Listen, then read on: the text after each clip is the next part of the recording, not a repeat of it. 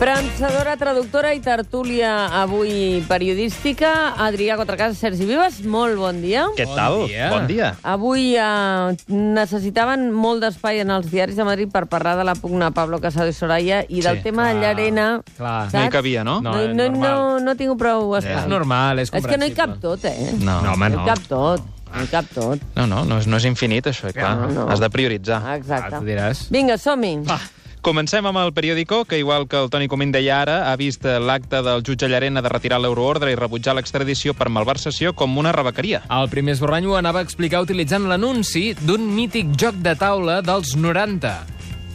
Llarena deixa de jugar amb els seus amics europeus i s'emporta les categories perquè no li accepten Puigdemont com a animal violent. Vaja, eh? Va. Vaja. Els quedava llarg aquest titular i com que molts ja no recorden què coi era les categories, Això també. han decidit escriure això, ras i curt. Pataleta de Llarena. I ja I està. punto. Sí, punto, més res resumidet. Sí. El món.cat, per la seva banda, va un pas més enllà a l'hora de valorar la decisió del magistrat espanyol. La primera idea que van estudiar al món.cat era fer aquest titular. Llarena president, Catalunya independent. Ara, bueno, tranquils, tranquils, L'eufòria tranquils. del El, seg món. el segon esborrany encara van trobar una fórmula més foteta. Llarena s'afilia a la crida nacional de Puigdemont. Mira, Mira deu ser l'únic. Dels primers. Al final, sense deixar el sarcasme, el que han publicat és aquest titular. Llarena posa en marxa el govern de la República i enforteix l'estratègia de Puigdemont. Ai, Eh? aquest la to, ironia, eh? sí. Sí, sí, sí, sí, Sí, sí, sí. I el Mundo?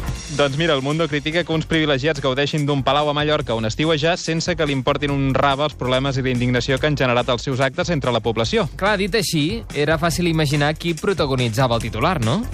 El rey Don Juan Carlos pasa el verano en su palacio de Palma, mientras sus amantes y testaferros van largando sus mamoneos. Però no. No. No parlaven del rei emèrit espanyol. Es referien al rei del low cost.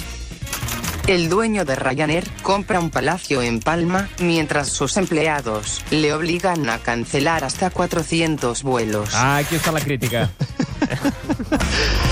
I la Razón lamenta que Cristiano Ronaldo no està tan bé a Itàlia com ho estava a Madrid. Què dius ara, Sí, pobre sí, nano? Sí, sí, Sí, que no, sí. eh? El primer esborrany que van pensar fer els de la Razón, fixa't, era així de clar. La vida de Cristiano en Italia es una mierda. Directe. Carai. Però clar, al final han preferit titular això altre, mira.